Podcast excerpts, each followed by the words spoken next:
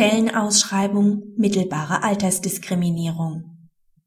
Die Beschränkung einer internen Stellenausschreibung auf Bewerber im ersten oder zweiten Berufsjahr kann eine unzulässige mittelbare Altersdiskriminierung sein.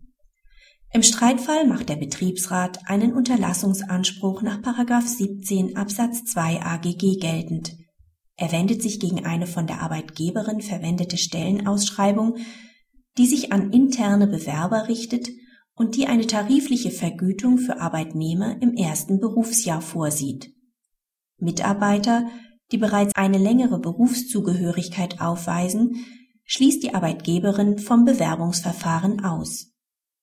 Der Betriebsrat sieht darin eine unzulässige Beschränkung der Stellenausschreibung auf jüngere Arbeitnehmer und verlangt daher die Herausnahme der entsprechenden Beschränkung aus der Stellenausschreibung. Das lehnt die Arbeitgeberin ab. Nach Ansicht des BAG ist das Verlangen des Betriebsrats begründet.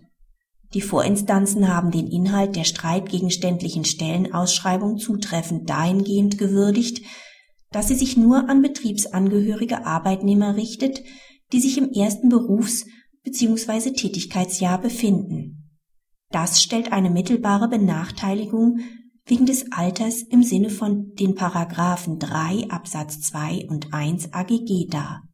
Für die Annahme einer mittelbaren Benachteiligung ist kein statistischer Nachweis erforderlich, dass eine bestimmte Altersgruppe durch die in Frage stehenden Kriterien tatsächlich wegen ihres Alters benachteiligt wird. Es reicht vielmehr aus, wenn das gewählte Kriterium hierzu typischerweise geeignet ist. Im Arbeitsleben steigt mit zunehmender Berufstätigkeit auch das Lebensalter. Arbeitnehmer, die sich in einem höheren Berufsjahr finden, weisen daher typischerweise ein höheres Lebensalter auf. Die mittelbare Ungleichbehandlung ist vorliegend nicht gerechtfertigt. Der von der Arbeitgeberin angeführte Grund, dass die Besetzung der Stellen mit Berufsanfängern eine ausgewogene Altersstruktur im Betrieb sichern und die Personalkosten begrenzen soll, verfängt nicht, da die Versetzung eines bereits beschäftigten Arbeitnehmers auf einen der ausgeschriebenen Arbeitsplätze keine Auswirkung auf die bestehende Altersstruktur im Betrieb hat und sich dadurch auch nicht die Personalkosten reduzieren.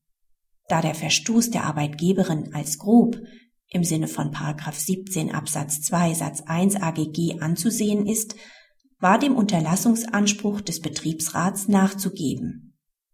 Kritik In der Entscheidung beschäftigt sich das BAG erstmals mit der Frage, unter welchen Voraussetzungen eine mittelbare Diskriminierung nach 3 Absatz 2 AGG anzunehmen ist.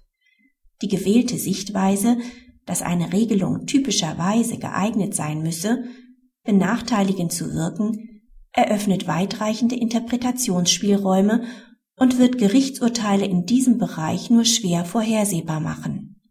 Im Ergebnis hat das BAG auch offen gelassen, inwieweit personalpolitische Aspekte wie eine ausgewogene Altersstruktur und der Wunsch nach einer Begrenzung von Personalkosten mittelbare Diskriminierungen zu rechtfertigen vermögen